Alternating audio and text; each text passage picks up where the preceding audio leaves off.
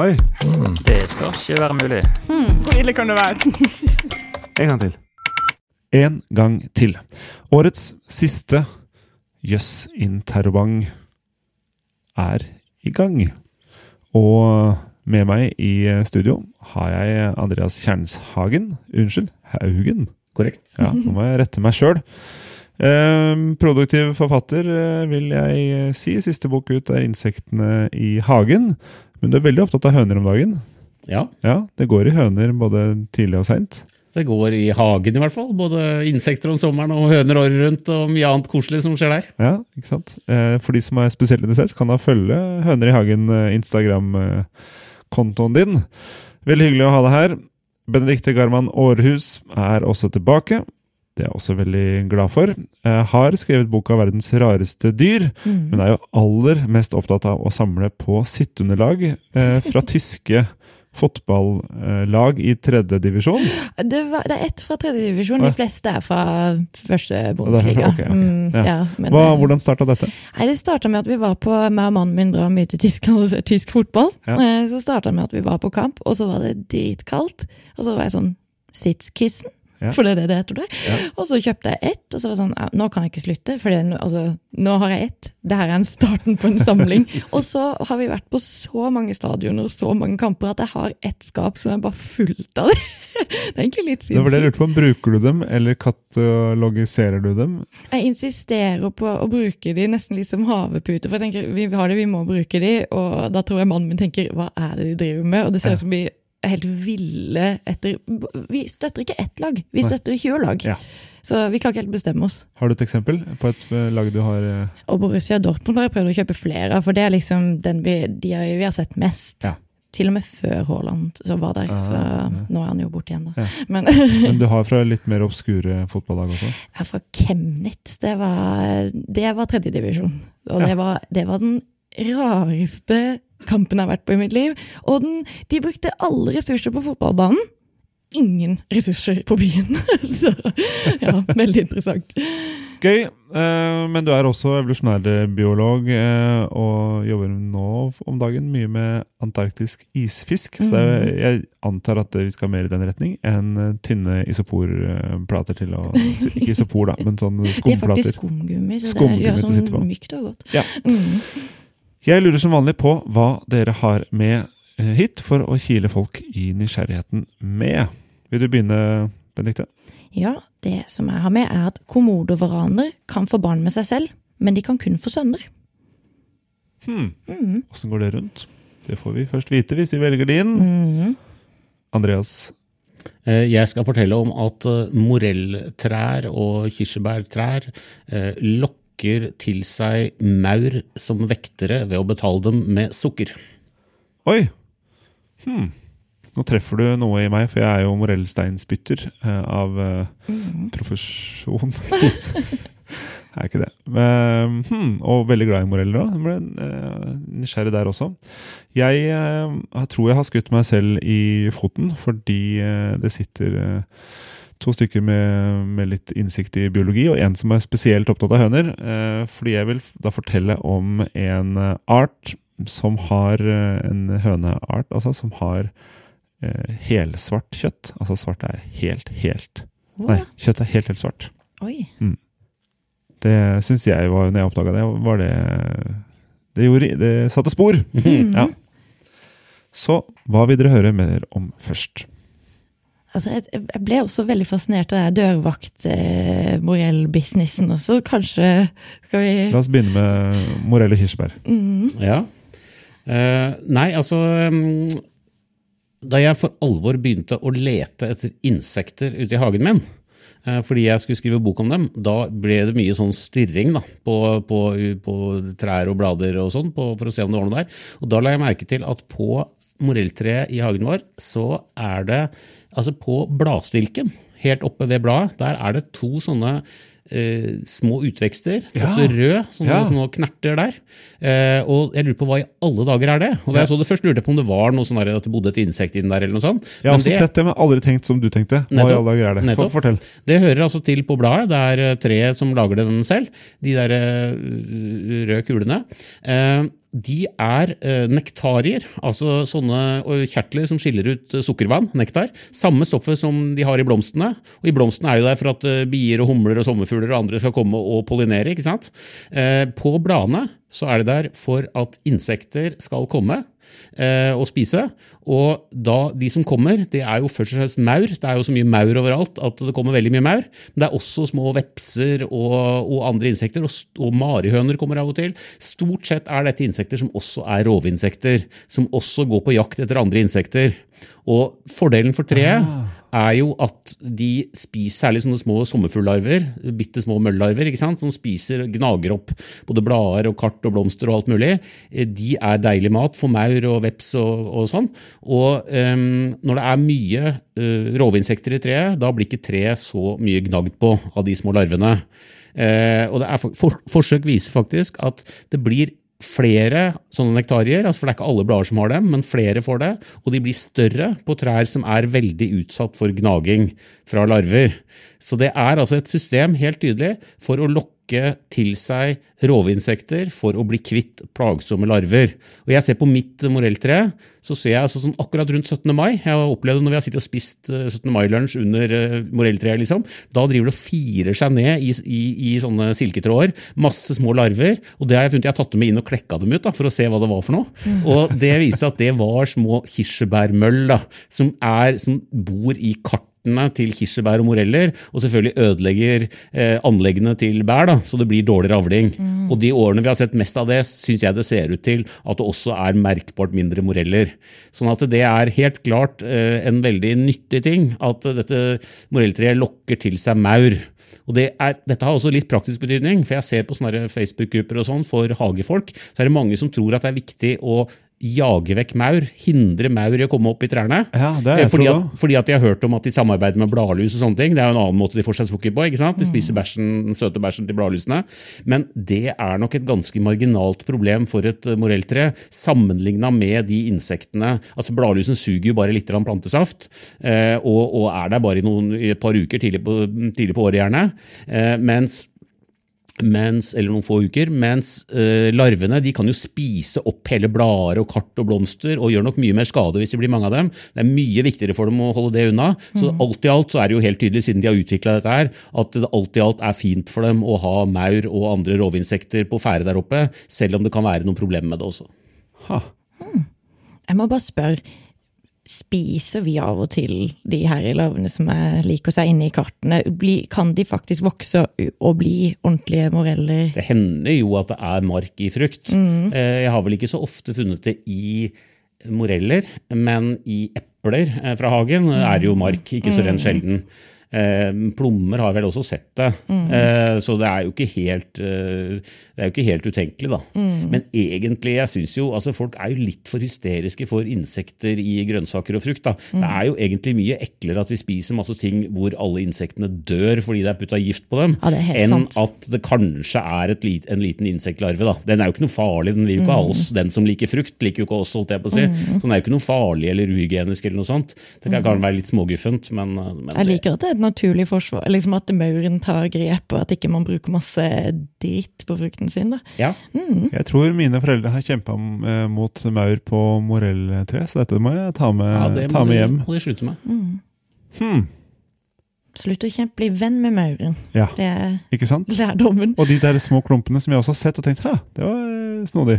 Det er akkurat samme på peoner. altså Det er mange planter som gjør det omtrent det samme. Peoner, de eh, store, flotte blomstene som mange har i hagen, selv på de mest si, foredla kultivarene, så er jo de har, alle sammen har jo sånne kulerunde knopper, og på de knoppene er jo alltid maur. Og Det er jo igjen fordi de skiller ut sukker der. Eh, ikke noen sånn synlige kjertler, men bare hele overflaten er sånn klissete og søtt. Og de maurene gjør nok også at, for den hadde nok vært veldig saftig og god da, for mange planteetende insekter. De maurene tror jeg fyller samme funksjonen for planta.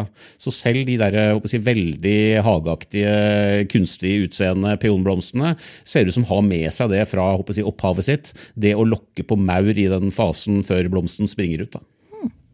Gøy. Takk. Hvor eh, vil dere nå? Eller hvor vil du nå, som har eh, fortalt ferdig, Andreas? Hva? Ja, det var jo besnærende at du skulle snakke om høns, da, for jeg, jeg har høns og er glad i høns. Så bare jeg sier høne, så er du Da er jeg med, vet du. klar? Det, tolk det som du vil. Uh,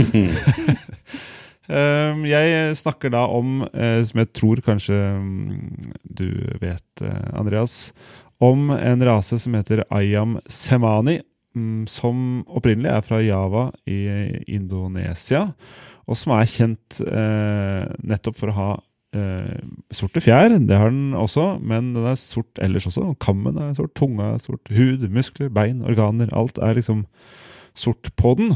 Eh, og eh, dere blir kanskje ikke veldig overraska, dere to, over at det har jo ført til at eh, man har trodd at denne høna har mystiske krefter og blitt brukt i med, sånn tidlig medisin og offerritualer. Og blir kjent for å både bringe hell og ulykke i ulike kulturer, for det er jo noe spennende når noe er liksom hel, helsvart. Mm.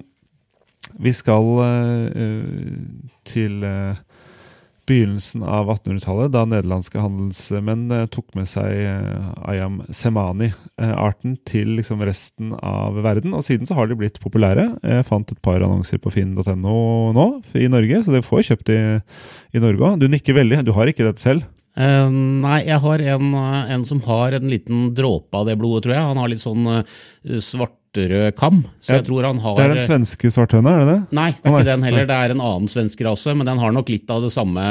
Det samme. Ja, for man har jo, man har jo tatt dette videre, og, og ja. For eksempel denne, denne svenske har, den, eh, har denne samme mm, mutasjonen med sånne fibromelanistiske egenskaper som ligner. Men dette er den som er mest eh, kjent fordi den er mest skal vi si, ekstrem. Den, Ja. har, den er svart eh, tvers igjennom. Um, og den har ofte veldig høy pris, fordi den er ettertrakta. Folk syns det er spennende, og det skjønner jeg jo veldig godt. For jeg får jo noe veldig altså, jeg, jeg blir jo veldig nysgjerrig på altså det å få servert svart kyllingkjøtt. Uh, synes jeg, det vil, jeg vil jo Jeg vet ikke om jeg ville like det heller. Eller synes det er litt uh, ekkelt og skremmende. Men jeg blir veldig, i hvert fall veldig, veldig nysgjerrig. Um, den Nei, nei, jeg bare lurte på, for jeg kan på en måte skjønne hvorfor du får for en sort hanekam, sånn, og det, at det har med melanin å gjøre, men sort kjøtt fordi eh, de fiskene jeg studerer, de antarktiske isfiskene, de har jo helt hvitt kjøtt fordi de har ikke hemoglobin i blodet. Så de naturligvis blir alt bare helt hvitt inni de. Ja. Eh, og gjennomsiktig blod og sånne ting. Men hva er mekanismen her for at hele musklene blir svarte? Er det det samme? Det er uh, um, Er det melaninen der også inni de? resultat av overflødig pigment i vevet, som uh, jeg, det jeg har lest meg fram til, som fysiker her, og ikke biolog, uh, forårsakes av en, av en genetisk tilstand eh, som er kjent som fibromelanosis, eller noe sånt. Eh, og det finnes uh, andre eksempler, uh, eksempler på det også. Um, og, og um, de de er ellers ganske normale. Det jeg synes var kanskje mest overraskende, og var veldig nysgjerrig, og som jeg først fikk uh, svar på etter hvert, var at de legger ganske normale egg. Altså hvite egg. Alt annet er Ja. svart, men de legger sånn, eller i hvert fall ikke hvite, men litt sånn kremfarga egg. Litt, litt store kanskje til, eh, til høna å være, men utover det ganske average egg. Så det er det eneste som er normalt eh, på, på disse hønene. Um, ja. Da, da sirkulerte et sånn morofakta-bilde på Facebook eh, av disse her, eh, med det som utgir seg for å være fakta om dem. Men på det bildet er det bilde av også av svarte egg, da, som er bare tull. eh, det er bare fantasi. Ja. Eh, men det har, har jeg sett mange har delt. da, fordi at det er fascinerende med det svarte greiene. Men det med svarte egg har de bare lagt på, for det er, det er hvite, som du sier. For i hønemiljøet, som du tilhører nå, Ja. eh, eh, så er det vel en liten greie med farge på eggene. Det er litt sånn, det er gøy å kunne utforske. Noen høner litt Absolutt. grønne nyanser, noen litt eh, lilla. Noen Turkisblå, grønne og forskjellige brune sjatteringer eh, og, og hvitt, avskygninger av hvitt. Da. Eh, så du kan, kan jo ha en sånn palett på eggene dine som kan være ganske fascinerende. Da. Ja. Men svarte egg er bare tull. altså. Det Ja. finnes ikke. Nei. Men hva med de grønnblå eggene? Nå var jeg, jeg bare nysgjerrig. Eh, hva er det som på en måte kommer i eggeskallet som gjør at de får den farven? Og hva er det heter for noe? Er det biliverdin? Er det det? Altså, det er i hvert fall et... Åh, ja, for det er ikke noe som er i avføring som er billig rubin eller noe sånt. Ja. Jo, det er mulig. Det, altså, det har, dette her er et stoff som har en funksjon i eh, kroppen, men som Mm. uttrykkes i eggeskallet.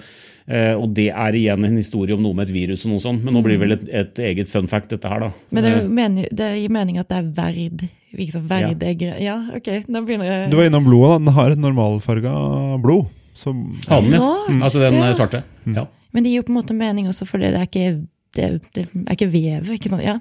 ja, det her var veldig spennende. Det var det mm, min, eh, mitt forsøk på Eller eh, vanskelige eh, forsøk på å prøve å, å fortelle en hønefyr og en evolusjonærbiolog mm, om Litt inn på deres banehalvdel. Det synes jeg var kjempespennende. Nå er det din tur. Fortell. Ja, nei, det her, her må vi ha tunga litt rett i munnen, for det er litt mye sånn bokstavhusking.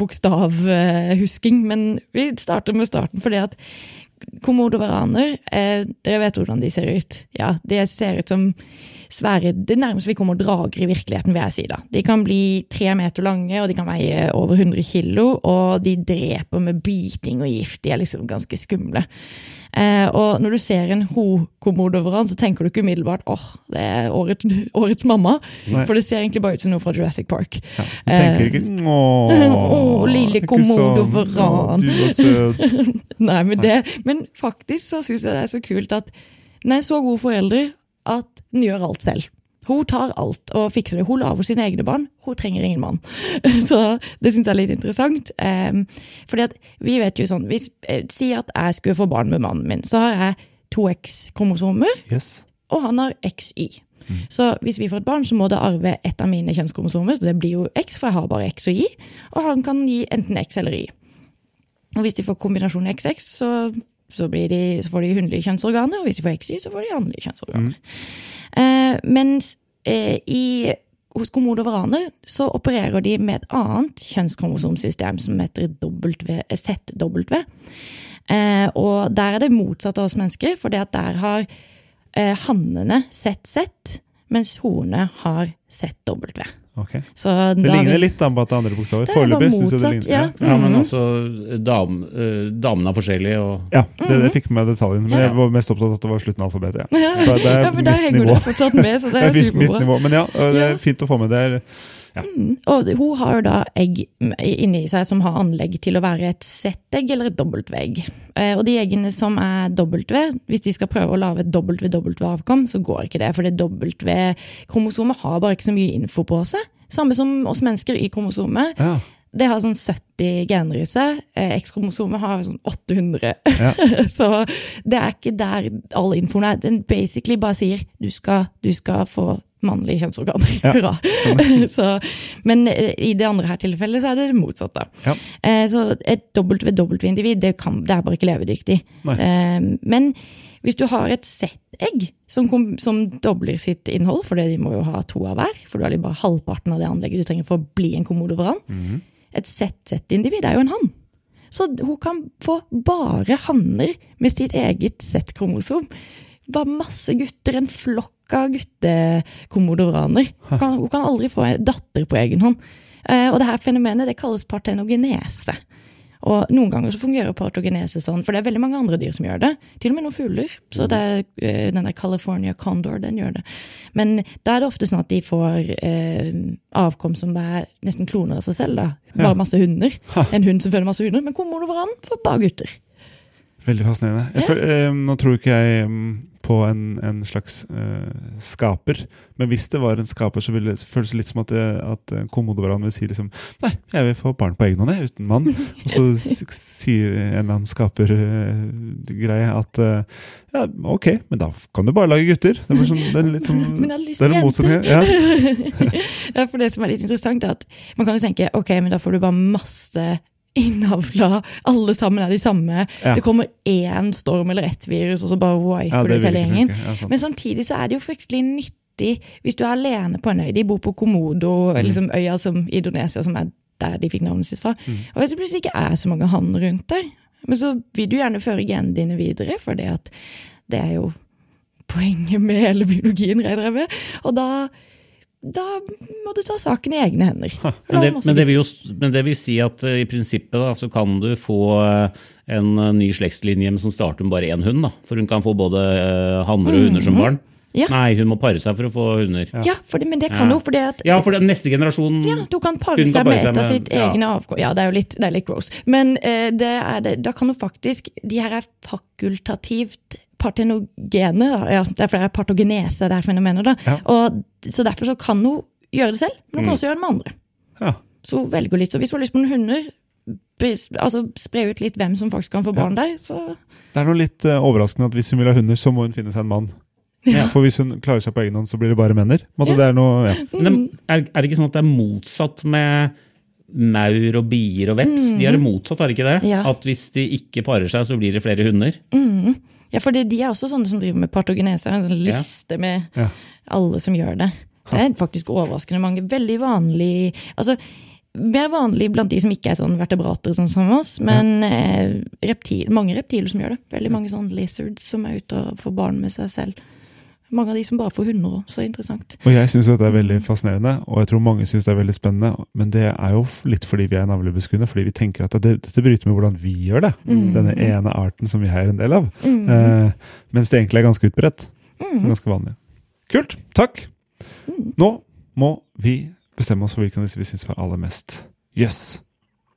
Altså, det var eh, Siden jeg har hørt om de der eh, svarte hønsene før. Eh, fordi at jeg driver og surrer rundt eh, på nettet og lærer meg ting om høns, Ja. så må nok jeg stemme på øglene, altså. For det var nyheter for meg. Ja.